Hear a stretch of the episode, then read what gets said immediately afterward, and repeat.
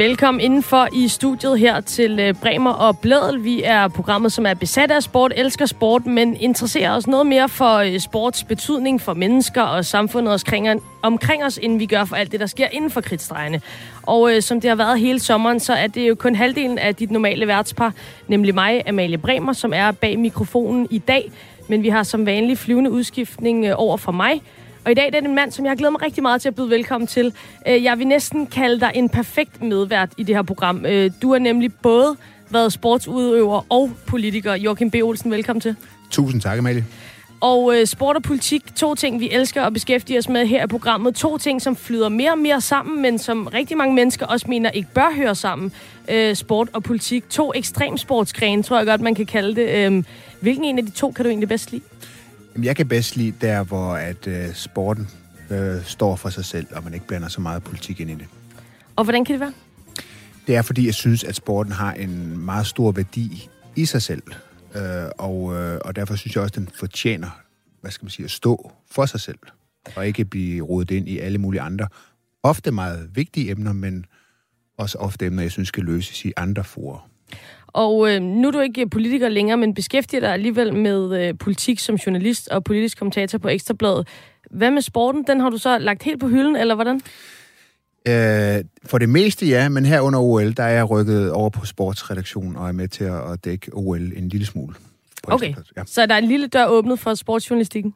Ja, lidt, men det er, mest, det er, det er mest det rene sport, jeg kører på lige nu, ja. Og øh, Joachim, lad os få lidt flere øh, ord på dig. Du er tidligere kuglestød og har deltaget ved OL tre gange. Mm. Sydney år 2000, Athen 2004 og Beijing i 2008, hvor du kunne hjælpe mig også fra fanebager for Danmark. Mm. Øhm, så så øh, droppede du atletikken i 2009 og blev politiker for Liberal Alliance, valgt til Folketinget i 2011.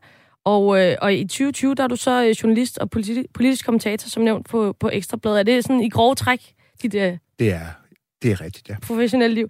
Og, og, og det her, det er jo et uh, sportsprogram, så det er selvfølgelig den del, vi sådan tager fat i til at starte med. Og uh, du har som sagt været med ved OL tre gange, og, uh, og din olympiske karriere er sådan rimelig vild. Mm. Øhm, og, og, og meget begivenhedsrig, ja. synes jeg godt, man kan sige, når man lige sådan dykker ned i den. Altså, som sagt, år 2000 øh, er dit første OL. Øhm, det ender ret dramatisk. Vil du ikke lige prøve at fortælle, hvad det var, der skete? Øh, jo, der sker det, at øh, efter konkurrencen, så øh, er jeg inde i sådan et chatroom, øh, der hedder The Thrower, øh, meget nørdet sted for kaster. Og øh, øh i foregående, der der skete det, jeg, jeg er faktisk, det er helt meget tilfældigt. Jeg er på vej derned, jeg skal skrive nogle mails hjem. På vejen derned, der møder jeg så den tyske landstræner i kuglestød. Han træner den olympiske mester for kvinder i kuglestød. En ældre herre, meget, meget respekteret herre. Han kommer over til mig og en af mine holdkammerater og ligesom øh, meget øh, oprørt og siger, har I hørt det, har I hørt det? Øh, nej, hvad så? Øh, Asihayo, som har vundet mændenes skulested, er testet positiv her ved OL, altså efter konkurrencen, og øh, der skal være en ny medaljeceremoni, så sådan, fuck mand, hvor sindssygt mm. og sådan noget. Og øh, fem minutter efter møder jeg John Godina, som har vundet bronze i mændenes skulested, som jeg kender rigtig godt, og jeg sådan spørger selvfølgelig ham, hvad, hvad har du hørt det der? Han har også hørt det. Så det er ligesom en rygte der. Og øh, og det er bare så konkret, og jeg tror bare fuldstændig, jeg er 23 år, jeg tror bare, det er rigtigt. Det er sådan, sådan en træner har sagt, at han siger, at han har hørt det fra en fra den tyske olympiske komité. Ja. Så skriver jeg ind i det her chatroom, skriver, der er det her rygte. Det er sådan et sted, hvor man, altså, kaster og skriver, hvad foregår der i OL-byen og sådan noget. Så ligesom man i dag vil have sådan en messenger-tråd med ja, alle gutterne ja. Der er, der er selvfølgelig det der med, at det er 2000, internettet er fem år ja. gammelt. Og, og der er ikke rigtig nogen kultur om det endnu. Man ved ikke rigtig, på det tidspunkt, så, når du skriver ind i sådan en chatroom, er det så ligesom, hvis to står og taler til hinanden, eller er det ligesom, at man siger noget på tv eller i avisen? Men øh, under omstændighed, jeg skriver så, jeg skriver det et rygte og så videre. Det er der så en finsk journalist, der opfanger, og så eksploderer den her historie fuldstændig i Finland. Og kommer på forsiden af alle aviser, og det er ligesom mig, der bliver ligesom, at jeg beskylder ham for at tage doping eller sådan noget. Det, altså for mig er det fuldstændig surrealistisk. Og det er dit første OL, du er 30 år gammel? Ja, ja, ja. Og så går der jo, så går der faktisk noget idrætspolitik i den. Og det ender så med, at Kai Holm, som er daværende formand for Dansk Idrætsforbund, så smider mig hjem fra OL på grund af det der. Og jeg var sådan, det er det simpelthen surrealistisk. Og jeg kan godt se med, med de øjne, man har på det i dag, at, fordi der har vi jo sådan, hvis du skriver noget, så er det ligesom at skrive det i avisen, så er det offentligt. Men dengang, der, jeg, jeg tænkte ikke over det, det var mine venner, øh, andre kaster, jeg sad og skrev med, øh, og, øh, og så, så kom der altså det ud af det, så det var meget vildt. Og tænkte du dengang, det var så det for mig og OL? Nej, det gjorde jeg ikke. Altså, jeg, jeg, jeg må indrømme, jeg grinede mest af det, fordi jeg synes, det var meget surrealistisk. Jeg, der blev holdt sådan en pressemøde i forbindelse med, det, med, med den sag i OL-byen. Og øh, da jeg kom ind til det der pressemøde, så sad der, der var 50 kameraer, og blitzerne de kørte, og det skulle foregå på engelsk. For jeg var sådan, what the fuck, mand? Hvad sker der? Jeg tog ned til Arsi der, som havde vundet, som jeg var super glad for at have vundet, fordi af statur mindede han meget om mig. Jeg, jeg var ikke den, langt fra den største kuglestøder, sådan en 84. Det var han også. Så jeg var meget glad for, at han havde vundet, fordi det viste, så troede jeg også på, at jeg kunne vinde en dag. Øh, så, så det var fuldstændig sindssygt, ja. Jeg grinede mest af det. Ja. Og jeg, jeg må bare sige, at, øh, at jeg fandt jo så artikler og så videre ja. om det, og jeg var, der var også et billede fra den her øh, pressekonference, eller hvad skal man kalde det, og der er bare øh, 80 mikrofoner op ja, i, i nøden på dig. Ja. Øh, og det er meget sjovt, du nævnte det her med sociale medier i dag. Altså, det var sådan, jeg kom til at tænke på, at det var sådan en forløber for det. Altså det her ja. med, at en lille ting, i går så en lille ting, øh, bare kan eksplodere fuldstændig. Ja, fuldstændig. Og ja, ja, som sagt, ikke, altså den der side, altså det var jo, øh, de var jo sådan helt primitive sider. Altså det var ikke, det var ikke Facebook, som ikke engang var opfundet og sådan noget. Altså, ja, det var sådan virkelig sådan et sted for, for, for nørder omkring Kuglested, ja. og at det skulle have den der, det, det kom fuldstændig bag på. Men altså i dag, med de øjne, hvordan kulturen er i dag, så kan jeg godt forstå det. Ja. Men, men man skal bare se det i det lys. Jeg anede ikke, hvad, hvad, hvad, jeg havde ikke no, jeg var måske naiv omkring hvad, hvad internettet og hvad, hvad, hvad det vil sige, når man skriver noget ja. der. Jeg tænkte, det, jeg taler bare med min, nogen, jeg kender. Jeg tror, at de fleste mennesker i år 2000 var naive omkring, hvad internettet skulle, skulle det, gøre for den her verden. Det er rigtigt. Øhm, og, og du kommer så tilbage til OL i 2004 øh, i Athen, ja. hvor du også ender på øh, medaljeskamlen. Lad os lige prøve at høre et uh, lydklip af, hvordan det lød, da du uh, kastede dengang. Og det er, altså, jeg skal, det er jo så fra 2004, man tænker, det er ikke så lang tid siden. Man kan godt høre på, på det her lydklip, at det, det er alligevel lidt tid siden, når det er tv-transmission og så videre. Ja. Lad os så se, hvad det kan blive til. Tredjepladsen er i øjeblikket Martinez med 20 meter 70.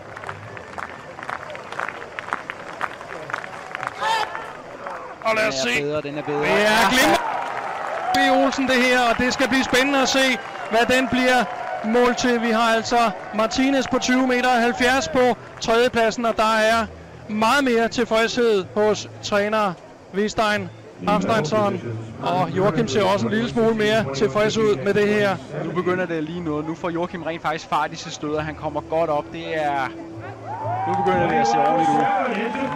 Og er helt sikkert til tredjepladsen det her. Det tror jeg godt, vi kan love. Altså 20 meter 70. 20 21 meter og 7 centimeter. Han er altså bare 9 centimeter fra den førende Ja, altså øh, en, en tredjeplads, i hvert fald lige på det her tidspunkt, ja. er det så en uh, tredjeplads. Nu siger de godt nok, du ser tilfreds ud, men du ser faktisk lidt sådan skuffet ud på, på det her klip. Ja, det var jeg også lidt, altså fordi, øhm, altså jeg, øh, jeg har det sådan, at hvis vi havde holdt 100 konkurrencer den dag, eller vi havde haft 100 konkurrencer, hvor vi var i præcis den form, så tror jeg, jeg har vundet de 70 af dem. Okay. Altså jeg var på dagen den, der var i bedst form, men jeg fik ikke, jeg ramte den bare ikke helt. Så det, jeg var lidt frustreret. Og det var virkelig marginalerne, og det endte jo så med, at der var 9 cm op til guldmedaljen. Så der var en lille smule skuffelse. Ikke fuldstændig, fordi jeg havde nået mit mål, og det var en medalje. Men, øh, men øh, ja, det, det kan godt, selv den dag i dag, kan jeg godt gå og tænke tilbage på den sidste uges træning. Hvad kunne jeg, jeg mm. tvirkede det lidt, trykkede det lidt, så jeg havde været lidt mere frisk, eller sådan, ja.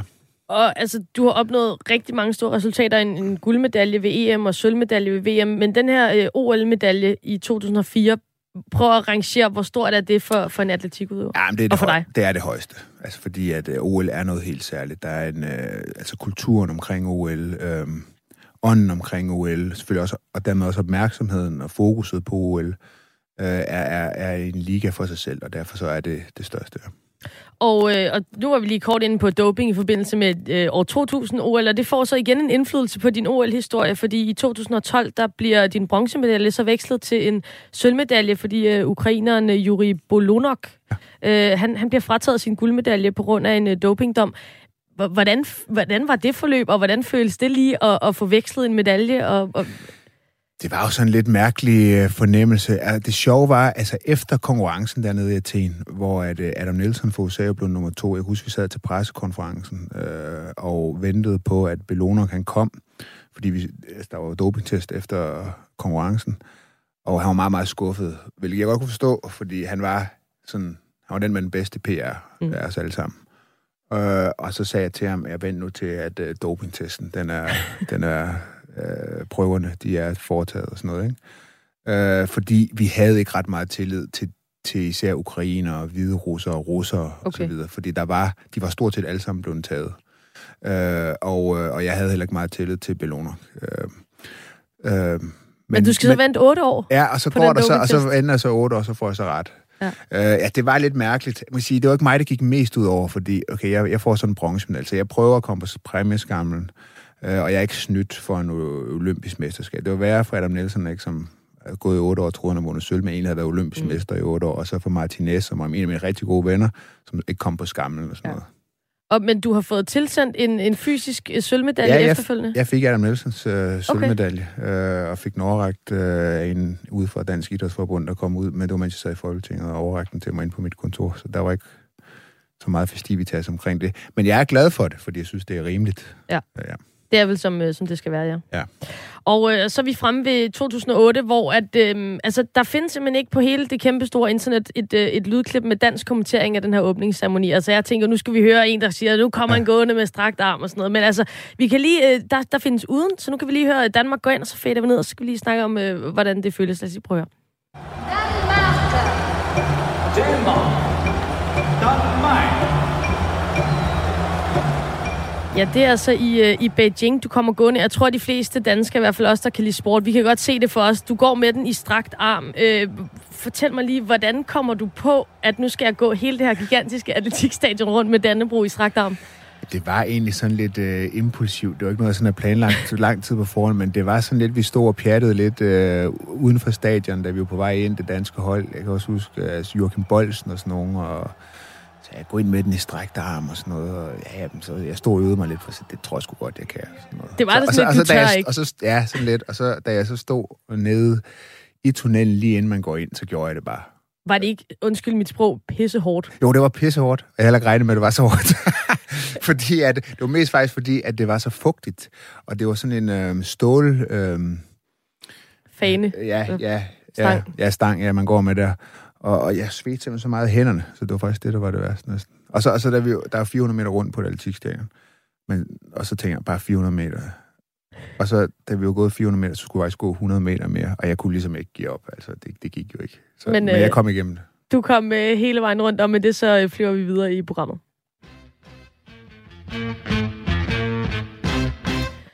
Og øh, Joachim B. Olsen er altså min øh, medvært øh, live her på Radio 4 i dag indtil klokken 14, og øh, du kan være med i samtalen, kære lytter. SMS'en er nemlig åben, og øh, du kan selvfølgelig stille spørgsmål til Joachim, til atletik, til OL og til vores øh, snak her i studiet. Det gør du ved at sende en sms på 1424. Start din besked med R4, og så øh, skriver du ellers løs. Indbakken er øh, piv åben, så øh, kom bare med dit øh, input derude. Og øh, vi er som sagt i fuld gang øh, med programmet, som i dagens anledning så hedder Bremer og øh, Olsen. Jeg er nemlig Amalie Bremer, og min medvært er Joachim B. Olsen. Og du er her jo i kraft af din øh, status som tre gange OL-deltager for Danmark, bronzevinder, senere sølvvinder og fanebærer. Øh, tre gange deltager. Hvor stort er OL for dig? Jamen, jeg synes, det er kæmpestort. Det er stort personligt, men jeg synes også, at det er en af menneskehedens største øh, opfindelser. Fordi der er ikke ret mange andre ting, som kan samle mennesker globalt som OL. Altså VM i fodbold, det kan bestemt også. Øh, og så er der OL, øh, som er fuldstændig globale begivenheder, som samler ja, milliarder af seere verden rundt. Og jeg synes, at, at det er nogle smukke idealer, som OL øh, øh, bygger på. Og, og så er der jo det her med, at ja, for mig, der, altså, det, det er jo ligesom sådan menneskets jagt på øh, forbedringer på, at øh, det er hurtigere, højere, stærkere. Og det, det, det, det symboliserer jo noget meget grundlæggende i mennesker, som er universelt, nemlig det her ønske om, at vi egentlig gerne vil gøre verden til et bedre sted, og vi jagter nogle drømme. Og til OL, der kan man se øh, både drømme, der går i opfyldelse, drømme, der bliver knust, øh, skuffelser og ydmygelser endda øh, nogle gange. Det er meget, meget dramatisk, og selvom vi ikke forstår alle de her mange sportskerne det gør jeg heller ikke selv, øh, så kan vi godt sætte os ind i det her med, at der er nogle mennesker, som har arbejdet hårdt på at nå en drøm, og vi føler med dem, når det ikke lykkes, og glædes med dem, når det lykkes. Øh, og det, det synes jeg er meget smukt. Og, og lige præcis det her med det hårde arbejde, det er noget af det, der gør, jeg har nemt ved at blive øh, revet med og også rørt af, af sport. Men noget af det, der især øh, slår mig, når jeg ser OL, det er jo det her med alle de her livsværk, som det jo er. Altså, det er kun hver fjerde år. Det er ikke ligesom alle mulige andre sportsgrene, hvor der er forskellige peaks øh, næsten hvert år. Så, så der er mange sportsgrene, hvor du kan se ud i fremtiden, okay, jeg er 24 år, når der er OL der og der, så det er lige præcis der, hvor jeg har min ene mulighed for at pike. Og den dedikation, den synes jeg er helt ekstremt fascinerende. Kan du ikke prøve sådan fra en atlets synspunkt at sætte os andre almindelige dødelige i, hvad er det, det kræver at blive OL-deltager? Øh, jamen altså, det helt typiske er jo, at... Øh Altså, jeg kan jo tale for mig selv, ikke? Altså, jeg startede med atletik. Jeg startede med at lave sport, da jeg var 6 år gammel. Jeg startede med atletik, da jeg var 10.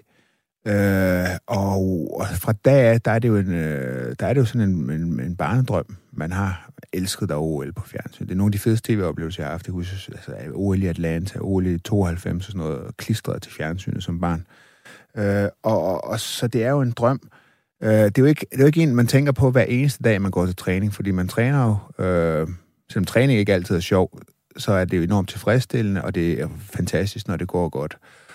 Og, øh, og så er det jo sådan, at nogen falder jo fra undervejs, nogen kan godt sige, at jeg kommer aldrig til OL. Og så er der dem, så er der de der bobler, der siger, jeg kan måske godt, og der er jo nogen, der bliver ved, bare for at komme med til OL, fordi det der med at have været øh, til Olympiaden, det, det er en, eller ikke, det er det der mellem OL, men at have været med til OL, øh, det er sgu en stor ting, øh, når man er i det miljø, hvad end for en sportsgren der.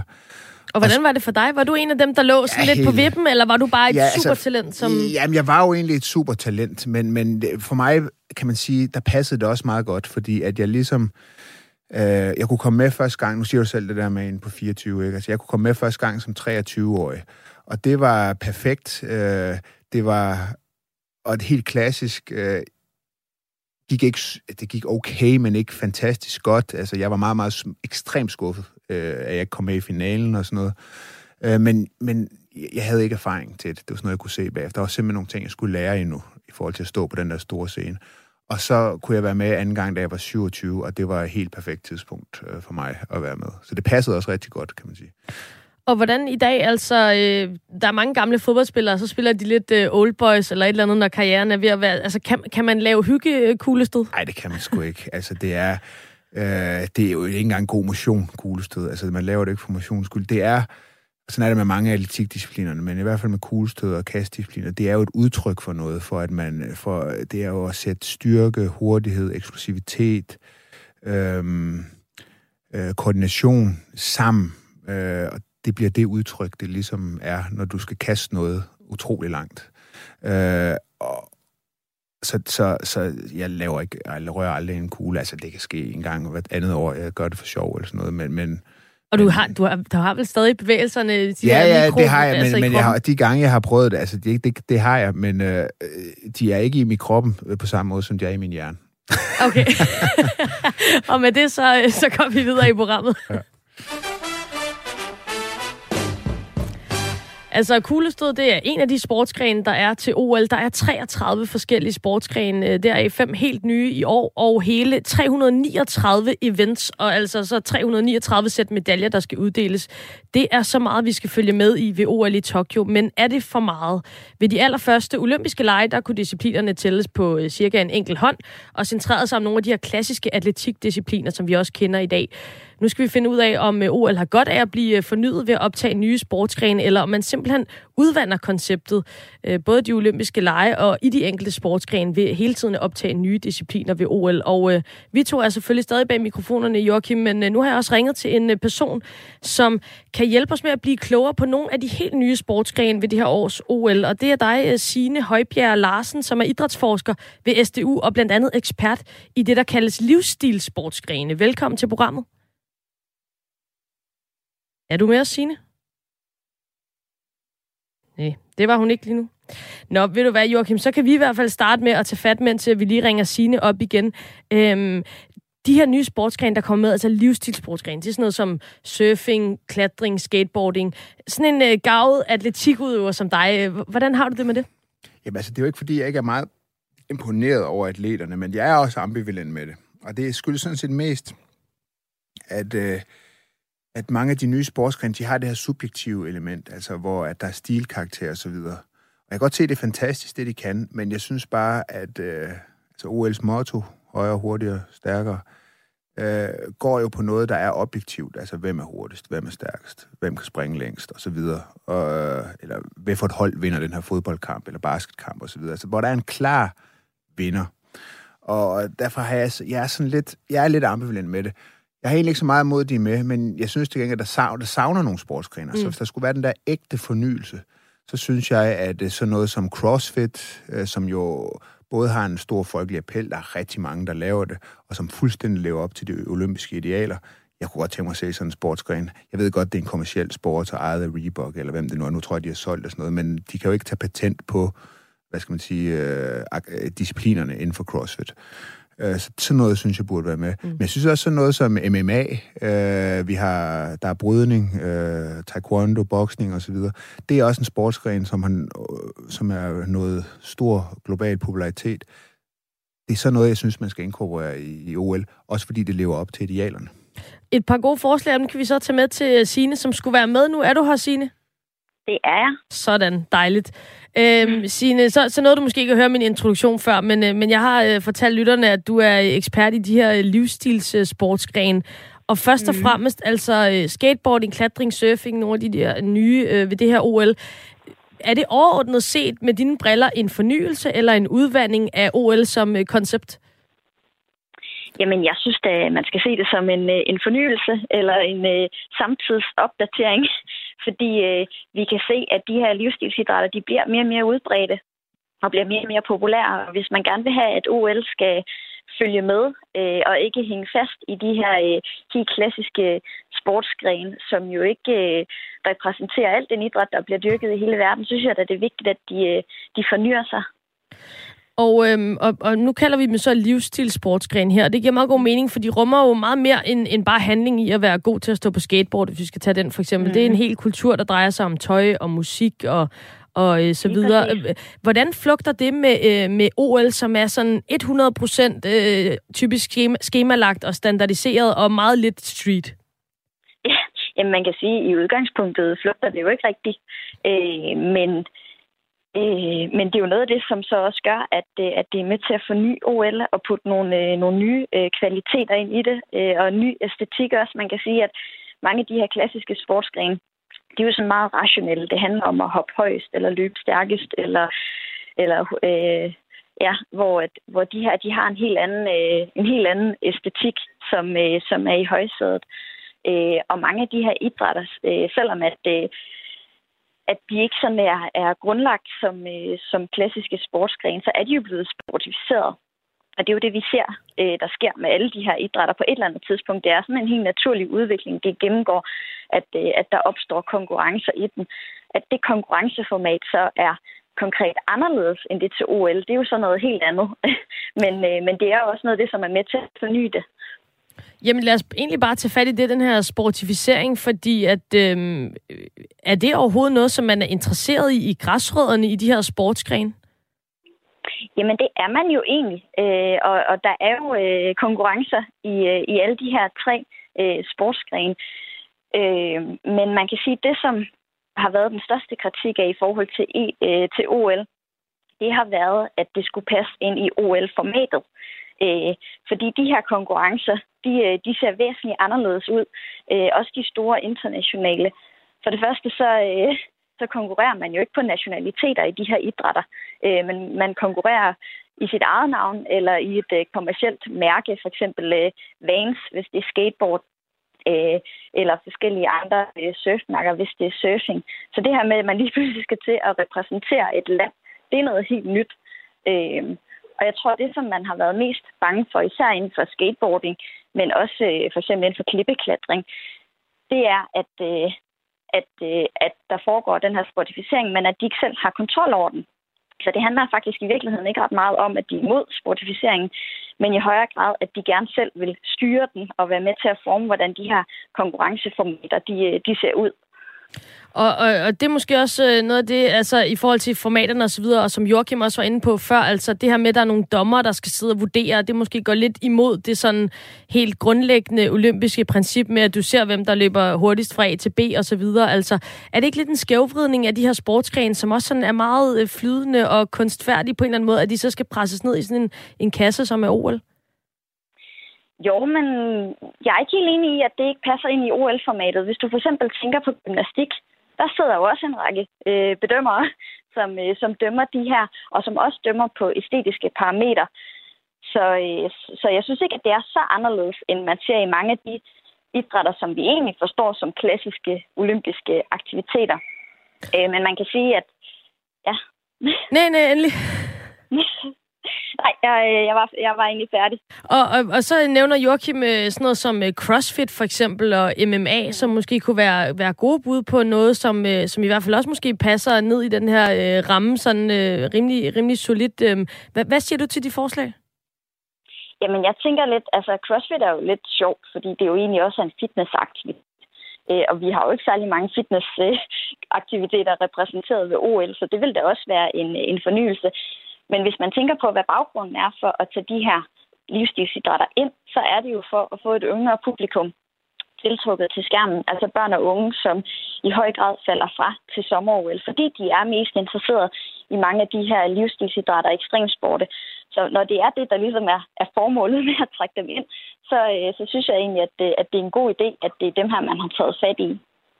Og det, det, det giver også meget god mening, fordi det er jo sådan, uh, det, det giver lidt uh, street credit, som vi var inde på, og, og lige pludselig man skal mm. sidde og se, se skateboard ved OL. Men altså, hvis det er sådan et, uh, et eller andet form for, for PR-stunt fra IOC, altså hvem får mest ud af det her? Er det skateboardsporten, eller er det IOC, der får mest ud af at optage skateboarding ved OL?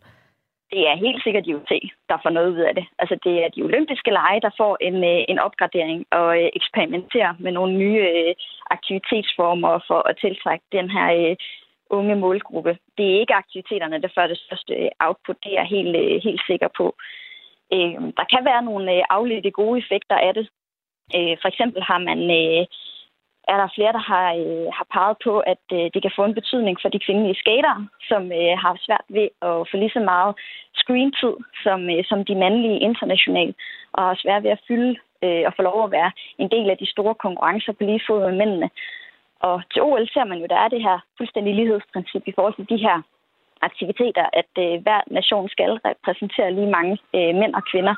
Så, øh, så ja, på den måde kunne det godt være, at for eksempel de kvindelige skateboarder ville kunne komme til at nyde godt af, at det er kommet ind på OL-programmet. Men, men bottom line, så er det øh, IOC, der får noget ud af det.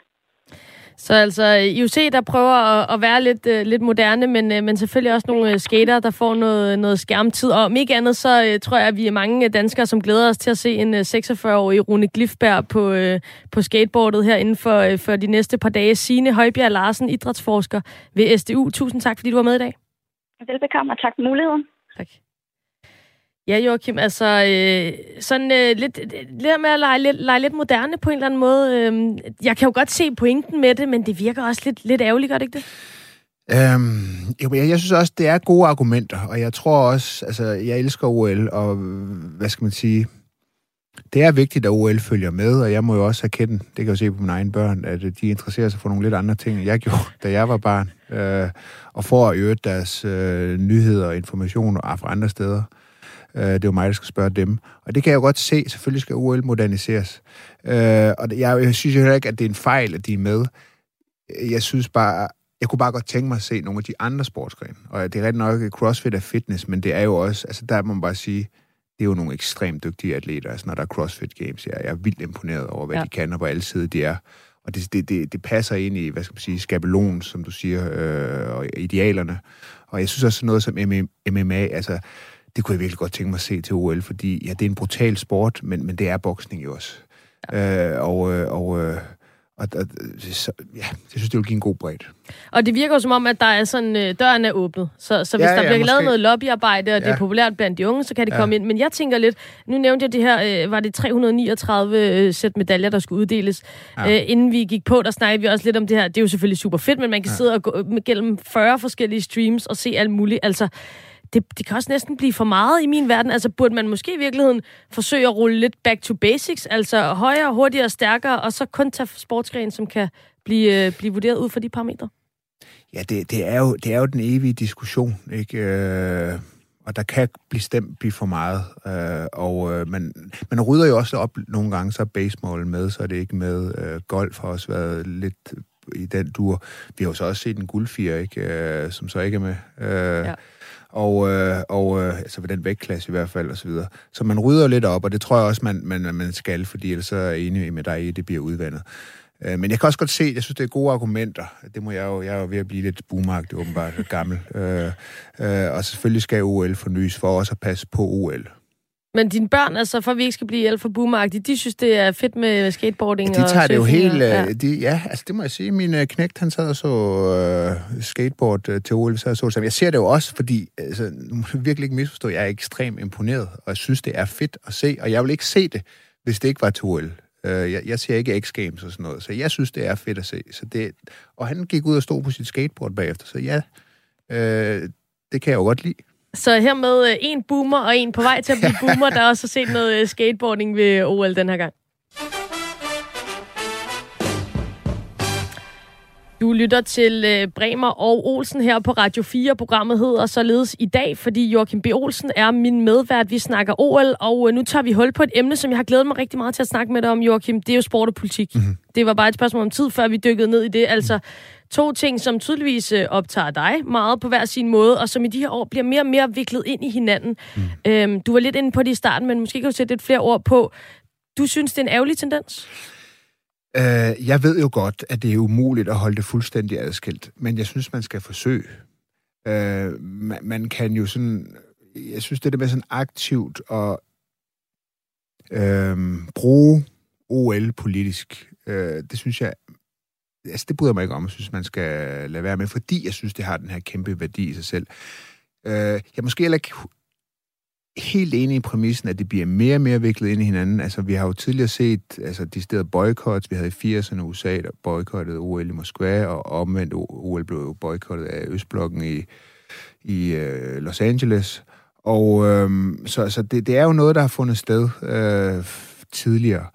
Jeg synes bare, at, at Øh, nu er jeg også, altså jeg må jo konstatere, at på, på, på hvad skal man sige, på det, på det helt, hvad skal man kalde det, personlige niveau, ikke?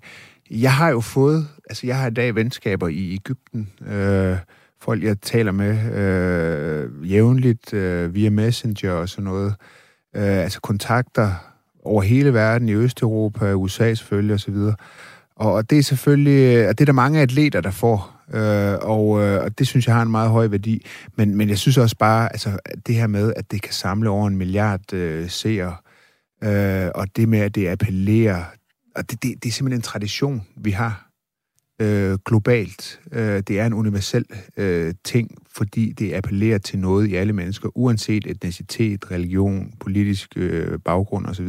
Det har en høj værdi. Og det, det er måske derfor, at jeg øh, også bliver meget skeptisk, når der bliver talt boykot og sådan noget, fordi jeg synes, man, man, misser, man misser værdien lidt. Og altså, i mine øjne, så er der måske sådan ligesom to lag i det. Altså man kan sige, der er et overordnet lag, hvor der er lande og regimer osv., som bruger mm. sport som et politisk værktøj. Øh, det man kalder sportswashing, ved for eksempel at afholde store slutrunder, og på en eller anden måde så promovere sig selv eller dække over dårlige forhold, der kunne være i, i landene, manglende menneskerettigheder, eller hvad det nu kunne være. Øhm, og så er der sådan det mere personlige plan, altså hvor enkelte atleter eller hold bruger den platform, de nu engang har, mm. øh, på grund af, at de er rigtig dygtige til, øh, hvad det nu er, øh, for at fremme et særligt politisk budskab, som de brænder for. Er begge dele øh, træls eller fint, eller hvor er du hen på den? Ja, jeg, jeg bryder mig ikke så meget om det. Ikke? For, og jeg, jeg er med på, at... Øh Altså, det er ikke fordi, jeg er fuldstændig afklaret med det selv og kan trække en helt klar grænse, men hvis jeg skulle trække en klar grænse, så, så foretrækker jeg klart, at også atleter holder politiske statements ude af OL. Øh, mange af de atleter, der laver politiske statements, de, øh, det er jo sådan lidt over i, i, over i det woke-agtige, woke hedder det vist, ja. ikke? Men forestil dig, var en atlet, der lavede noget andet. Altså, havde et eller andet fascistisk statement, eller et eller andet, som... Øh, altså, så vil hele verden jo eksplodere. Og man må bare sige, åbner man døren for det ene, så potentielt åbner man også døren for det andet. Men er døren ikke åbnet, altså når for eksempel Katar bruger, øh, bruger øh, VM i fodbold som en politisk redskab, så er det jo i en skurkene, der ja. har åbnet døren. Må, må de, de gode, øh, dem der godt kan lide menneskerettigheder, så ikke øh, gå ind ad den dør og sige, øh, det kan vi altså ikke være jeg, jeg synes, at øh, kritikken af VM i Katar er fuldstændig berettiget. Jeg synes, at det er alle mulige årsager er vanvittigt, er mærkeligt og underligt, at det ligger i Katar, som ikke er en fodboldnation. Der er overhovedet ikke noget klima til at spille fodbold. Øh, og jeg synes også, det er helt fint at have, at have fokus på og berettiget at have fokus på menneskerettigheder i Katar. Det er der jo så også kommet, kan man sige. Jeg tror ikke, vi har talt særlig meget Katar, for at være helt ærlig, hvis der ikke havde været et VM i fodbold. Så det er jo en af fordelene ved det. Uh, vi havde også diskussion omkring OL i Kina. Jeg deltog også i den dengang, uh, jeg var med. Uh, um, og hvad, altså, jeg, men jeg er nok også, jeg er bare nok der, hvor jeg siger, ja, der er bestemt øh, meget at kritisere Kina for. Jeg er glødende antikommunist øh, og der foregår ting i Kina, som skal kritiseres. Men det, der så også er, altså, jeg ved ikke, om jeg kan formulere det her rigtigt, men det er jo også ligesom, fordi at OL er noget, der ligesom på en eller anden måde rækker ud over, hvad der foregår lige nu. Fordi det netop er en tradition, vi har haft det siden 1896 i moderne form, og noget, der rækker historisk endnu længere tilbage. Og det gør Kina ligesom os. Altså Kina er også andet, end at det har været kommunistisk siden øh, hvad, 1900... Øh, 50'erne, eller hvad, hvad du må ikke kigge på mig ja, den ja, samme, præcis. Altså, øh, der er en lang kulturhistorie, som jo også blev vist frem øh, ved OL i Kina, og det er det, øh, det fortaber sig nogle gange i de aktuelle politiske øh, konflikter. Men er man så ikke en lille smule øhm, naiv? Og nu er det ikke, fordi jeg skal kalde dig naiv. Jeg kan tage udgangspunkt i mig selv. Jeg har spillet jeg meget bordfodbold. Jeg kan sagtens være Jo, jo, men, men du ved, altså, jeg har spillet meget bordfodbold, og jeg blev også inviteret til Kina på et tidspunkt. Og det var for nogle år siden, hvor jeg ikke havde en, en idé om, at sport kunne bruges til noget. Jeg ved ikke engang, om man kalder bordfodbold en sport, men ikke desto mindre, det var der nogle kinesere, der synes. Og vi skulle inviteres derover, og vi tog gladeligt afsted. Og, og da jeg kom hjem, havde det været en meget underlig oplevelse, fordi vi skulle stille op til ting og hilse på folk og, ja. og så videre. Og, og nu her øh, i bagklogskabens øh, ulideligt klare lys, så kan jeg jo godt se, det var måske, altså måske blev jeg i virkeligheden en brik eller et værktøj i ja. et eller andet større system, som jeg egentlig ikke havde lyst til at være en del af. Ja, men du blev også opmærksom på nogle øh, mm. problemer, øh, som, du, øh, som du selv siger, du var ikke helt opmærksom på før. Så det er det også kunne. Øh, og, det, og det er jo i virkeligheden øh, det der møde, som vi jo taler godt om, øh, når det har hjemme i vores egen lille andedam, at vi øh, debatterer ting, diskuterer ting, mødes, bliver klogere på hinanden øh, og hvad der foregår. Og nogle gange bliver vi jo så også klogere på noget, der er rigtig skidt. Og det kan det møde, øh, det kan det møde jo også. Og det fjerner man, hvis vi holder op med at mødes med hinanden. Øh, men jeg er helt med på, og jeg vil også sige, altså OL, det er et klassisk eksempel, det er OL i 36. Ja. Øh, skulle det være afholdt i, i Tyskland? Nej, det skulle det selvfølgelig ikke. Og det synes jeg ligesom, altså det helt klare argument for det er, og selvfølgelig også i bagklodskabens klare lys, men det var, at øh, Nazi-Tyskland var jo på vej ind i mørket. Ikke? Øh, og øh, er Kina det? Ja, det er de faktisk på nogle parametre, det er jeg enig i. Men, men, men, men, men, men, men måske altså, i virkeligheden er jo bare den, der er et kæmpe stort land, der hedder Kina, med en lang historie, og der skal være fokus. Jeg synes bare, så tag kampene der, hvor de skal tages. Tag kampene der, øh, når danske politikere øh, Øh, af, af frygt for at miste eksportindtægter og sådan noget, ikke vil kritisere Kina og så videre, så videre, så videre. Tag dem der, og det er jo bare der, nogle gange bliver jeg lidt træt af, når man ikke vil tage dem der, hvor det koster noget, og der synes jeg nogle gange, det er for nemt, ligesom at tage OL som, som gissel, øh, fordi hvis man mener det, så må man også være klar til, så må det koste nogle danske arbejdspladser og sådan noget der. Så, øh, så der synes jeg nogle gange, det bliver for let. Ja, og lad os, lad os endelig bare tage fat i den, fordi det er så det næste, og det er jo den indsigt, du også har, når du har siddet inde på Christiansborg og, og været med til at tage nogle beslutninger. Altså, det er jo en af de ting, der har fyldt rigtig meget i forbindelse med VM i Katar, og nu det er noget, der har været meget op, fordi fodbold, det er alle danskere fuldstændig besat af. Ja. Øhm, nu går du ind for, du var i hvert fald medlem af et parti, der ikke gik ind for, at man skulle blande sig særlig meget i, hvad folk ellers havde lyst til at, at gå og rode med i deres eget liv. Men, men når du sidder som tidligere sportsøver, kunne du godt tænke dig, at der var nogle politikere, der gik hårdt ind i de her ting, så man ikke skulle lægge alt ansvar over på, på nogle mennesker, som vi har været inde på, der har offret hele deres liv for en sport?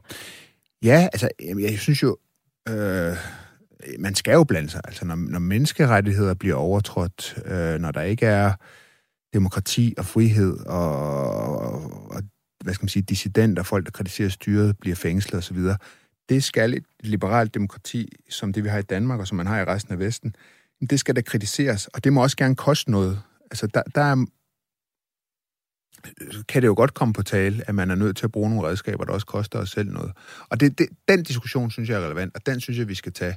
Så det er bare det her med, at vi altid har diskussionen omkring øh, store mesterskaber.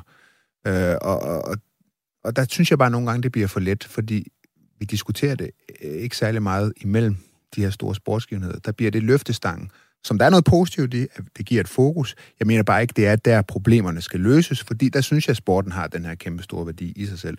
Løs det i de forer, vi har oprettet til at løse de ting, og hvor det er dødbesværligt og tager mega lang tid, og ofte ikke lykkes. Øh, men vi har et EU, øh, vi er med, så må, så må det være her, man, man, man, man overvejer, hvad for nogle konsekvenser det skal have, hvis man synes, det skal have det. Øh, og ja, Ja, og det er så den helt sådan geopolitiske ja. Øh, syn på det, kan man sige. Og så, så er der så det andet lag her med, med atleterne, som vi har været inde på en lille smule allerede. Og i sidste uge, der talte jeg med øh, Stanis Elsborg, som er senioranalytiker i uh, Play the Game, og som ved ekstremt meget om uh, det her krydsfelt mellem sport og politik. Og han havde en, uh, en forudsigelse, det var inden OL var gået i gang. Lad os lige prøve at høre, hvad han sagde i sidste uge.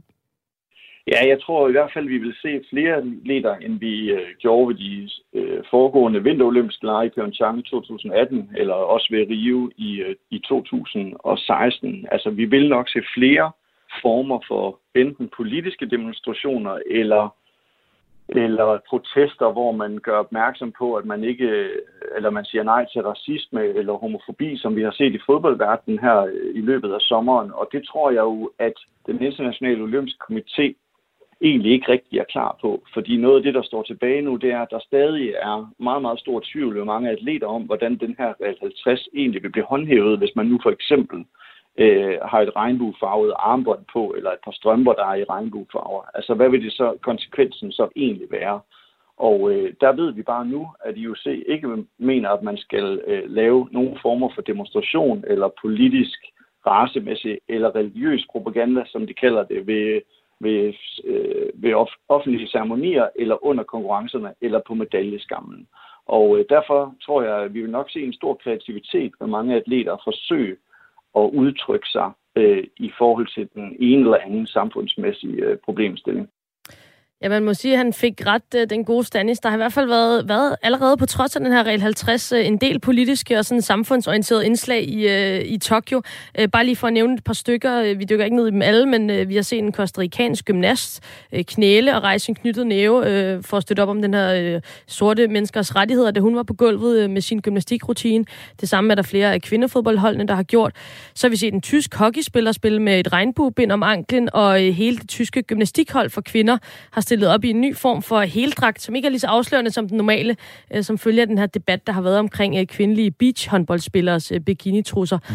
Sidst, men øh, bestemt ikke mindst, Joachim, så har vi set en judokæmper, øh, Fethi Nurine fra Algeriet, mm. som simpelthen har trukket sig for OL, inden han overhovedet var kommet i gang, mm. øh, fordi han stod til at skulle møde en israeler, der hedder mm. Toha Butbul. Øh, til en tv-station i Algeriet, der sagde øh, Nurine, vi har arbejdet meget for at nå OL, og nyheden om den her lodtrækning kom som et chok for os. Jeg vil ikke have beskidte hænder. Mm. Øhm, lad os tage fat i den sidste her, Joachim. Jeg må mm. sige, det rykker lidt i mig. Mm. Øhm, hvad tænker du om, at den her judokæmper fra Algeriet, han simpelthen trækker sig fra OL, fordi han ikke vil få, som han selv siger, beskidte hænder ved at røre ved en eventuel israelsk modstander? Altså for det første, så, så synes jeg, det lyder... Nej, jeg synes, det er antisemitisk. Altså, det er det der. Altså, hvis man siger, jeg vil ikke, altså, det han siger, jeg vil ikke røre ved en jøde for, for at få beskidte hænder. Og så er der nogen, der siger, nej, det handler om politik. Nej, det gør det. Altså, øh, det der, det er antisemitisme, efter min bedste øh, vurdering. Han skal ikke ind og kæmpe mod staten Israel, som man kan kritisere for, for alt muligt. Øh, jeg tror også, man kan kritisere den algeriske stat øh, for alt muligt. Jeg er ikke sikker på, at homoseksuelle har det alt for super fedt i Algeriet osv. Der, der, der er helt givet masser af menneskerettighedsproblemer i Algeriet også. Øh, og derfor ser jeg det her først og fremmest som antisemitisme, og, og, og, og så ser jeg det som værende i fuldstændig modstrid med de olympiske idealer. Øh, fordi han skal kæmpe mod en person, der er israeler, men det er den person, han skal kæmpe imod. Sådan ser jeg det. Øh, og hvis alle øh, til OL sagde, nej, jeg vil ikke kæmpe mod den og den, og ikke konkurrere mod den og den, og løbe ved siden af den og den, fordi den og den repræsenterer et land, som øh, øh, overtræder menneskerettigheder, eller hvad det nu måtte være, jamen så vil OL jo falde fra hinanden. Så vil OL, så vil, så vil hele værdien i, at man netop mødes på tværs af etnicitet, religion, politiske forskelle og uenighed osv., det smukke ideal vil jo ikke kunne opretholdes. Og altså faste lyttere af, af det her program vil vide, at øh, jeg er fortaler for, at atleter de skal udtrykke sig så meget som muligt, fordi så er det dejligt nemt at forholde sig til dem som øh, fan af sport og identificere sig med dem, hvis man har lyst til det. Øhm, men så kan jeg jo godt mærke, at øh, jeg stejler over den her, og så er det, jeg kommer til at tænke, øh, så er jeg vel dobbeltmoralsk. Det ved jeg ikke, om du er. Altså, jeg kan jo tage den anden og sige, nu regnbueflaget. En har et regnbueflag på sin ankel. Øh, altså, det er ikke noget, der på nogen måde øh, hisser mig op. Altså, vi, nu, vi er selvfølgelig også fra Danmark. Vi er vant til at se gå ned gennem studiestrædet, og hvad de ellers sidder. Der hænger regnbueflag alle vejen, og dansk industri er hvad nu indhyldet i regnbueflag og så videre. Ikke? Altså, det er jo, altså, det, det er jo øh, fint. Jeg har ikke det store problem med det. Det er det der... Altså, jeg, er det, jeg, fordi... jeg, det er jo bare fordi, jeg har det sådan, som jeg har sagt nogle gange nu, at jeg synes, OL har den der værdi i sig selv. Og ja, vi lever i en uperfekt verden, hvor der er alle mulige problemer, som skal håndteres. For eksempel øh, øh, LGBT-rettigheder i, i rigtig mange lande. Nogle gange synes jeg bare, at det bliver, det bliver sgu lidt for gratis. Altså, det, at, at vi kan gøre det... Øh, altså, Altså, Jamen, er det også... gør, gør det til OL i Rusland, eller gør ja. det til OL i Katar, eller du ved, bum, der, har, der koster det måske noget. Ja. Men, øh, men at gøre det i et vestligt land, mm, der, der er ikke det, så meget... Der er ikke øh, meget på spil, kan man sige. Det er modtaget, og med det så øh, haster vi videre i programmet. Og øh, som øh, forventet, så var der masser at snakke om øh, i, sport og politik, så vi haster videre her, øh, mens øh, tiden den, øh, den render ud. Hver uge så har min øh, medvært et emne med her øh, i programmet, som i dag hedder Bremer Olsen. Min medvært hedder nemlig Joachim B. Olsen, og vi snakker selvfølgelig OL til den helt store øh, guldmedalje. Og da vi talte sammen om dit OL-emne i den her uge, der sagde du, at øh, de olympiske arrangører i UC og, og den sådan, japanske olympiske komité, de havde i hvert fald taget en guldmedalje i coronahysteri. Ja. Hvad mener du med det? Jeg mener, at det er jo gået... Det er jo fuldstændig vanvittigt, det vi virkelig er vidne til. Altså, vi har, vi har ingen tilskuer på stadions. Folk, de bærer masker udenfor. Det er jo ikke noget, der på nogen måde flugter med myndighedernes anbefalinger. Atleter må ikke engang komme ud og se hinanden til OL. Og vi taler jo nok om, jeg kan ikke sige det præcist, men jeg vil skyde på, at den olympiske by som population nok er den mest vaccineret population i hele verden. Øh, og det er jo også et eksempel på, at der er gået indrigspolitik i de olympiske lege, fordi at, øh, at øh, japanerne øh, har været nervøse for corona og OL. Det forstår jeg godt, men det har jo været muligt at foretage alle mulige øh, dispositioner, der gør, at det kunne afholdes sikkert. Altså, det er jo, altså, det er jo helt tosset. Det er jo ligesom at se sådan nogle, når man ser de der japanske underholdningsprogrammer, og tænker, what the fuck? Altså, det er jo helt gak. De er jo helt gak. Det er, det, er, det er de altså også med corona, må man bare konstatere. Der ikke kan sidde et eneste menneske på stadion. Man kunne, ja, fint med restriktioner. Man kunne have sagt, vi har alle tilskuere til alle olympiske discipliner, de skal være testet, og de skal være vaccineret. Fint nok, det har været hårde restriktioner. Øhm, men at de ikke engang kan forerække medalje. Altså, hvad blev der af sprit sine hænder? altså, ligesom, de kan ikke overrække medalje nu. Øh, den skal de selv tage på sig. Altså, det er jo helt hysterisk. Ja, det, det, er i hvert fald, det virker i hvert fald sådan, når man sidder og ser det, og, og det, det kan jo være sådan lidt specielt at sidde her i Danmark, og, hvor corona øh, fylder mindre og mindre, og så tale om, hvad, hvad de burde gøre helt over i Japan. Øh, så derfor så ringede jeg tidligere i dag til, øh, til en mand, som vi nærmest kan kalde vores øh, OL-korrespondent. Det er Christian Bro, som vi også snakkede øh, med i sidste uge. Han er dansker, men bor i Tokyo med sin øh, japanske kone. Og jeg spurgte først og fremmest Christian, øh, sådan en lille update, så vi også har noget at forholde os til øh, på øh, smittetallene i Japan lige nu. Sådan som det er nu, så er øh, smittetallene på sit højeste, og det højeste, det har været nogensinde øh, i hele den her corona-pandemi. Det var sådan i går, der var smittetallet i Tokyo, det var på omkring 3800 altså 10.000 på landsplan, og det er det højeste, de har målt øh, nogensinde indtil videre. Øhm, det er sådan, at de olympiske lege, der er ikke sådan nogle ændringer i forhold til det her med smittetallene har været stigende. Altså det bliver afholdt, som det har nu har gjort hele tiden. Man siger også, at de olympiske lege og atleternes øh, ankomst til øh, Japan, det siger man i hvert fald på regeringsniveau, at det har ikke haft indflydelse på, at smittetallet har, har været stigende. Så man, man har ikke bekymring for, at OL er, er en, øh, er en påvirkende eller er en faktor i forhold til det her med, med de stigende smittetal. Så altså øh, stigende smittetal, men ikke nødvendigvis noget, som du også siger, det må være nogle øh, ultravaccinerede mennesker, der ankommer til, til OL. Og en af de rigtig ærgerlige ting, som du også nævnte, Joachim, det var det her med, at der ikke er tilskuere. Øhm, men hvordan forholder japanerne sig så, når de ikke kan komme ind på alle de her stadions, øh, fine og flotte stadion, som er blevet bygget til OL? Det spurgte jeg også Christian om. Der har været øh, skrevet lidt omkring i medierne, som noget, der er jo sådan lidt sjovt i forhold til det her, det er jo, at der er rigtig mange, der samles på sådan offentlige pladser, for ligesom at kunne hylde øh, de her OL-kampe, og så ser man det på, på skærme og sådan noget rundt omkring. Så selvom folk ikke er samlet inde på stadion, så er de bare samlet andre steder. Øh, også på sådan bar og restauranter rundt omkring, så bliver der også øh, vist OL. Så det virker lidt, at man har prøvet sådan at lukke ned for det her, for at der ikke skal komme stor smittesmadning, men folk de samles bare lidt alligevel, fordi rigtig mange vil gerne følge med i det her OL. Jo, man får jo sådan lidt uh, øh, EM-vibes, altså også det her med, fordi hvis man bare, du ved, kan sørge for, at folk er vaccineret, eller i hvert fald testet, komme ind på stadion, man ved, hvor de sidder, man kan lave smitteopsporing osv., i stedet for, så står de og råber hinanden ind i hovedet på, på diverse barer uden uh, noget, det, det er jo bare skørt. Ja, det er, det er, det er, det er skørt. Altså, det er bare taget fuldstændig øh, overhånd, synes jeg. Og jeg synes også, altså, Japan, ja, det, de sagde ja til det det, det, der vidste de selvfølgelig ikke, der ville komme en coronaepidemi. Helt færre, helt færre, der skal være restriktion, restriktioner osv.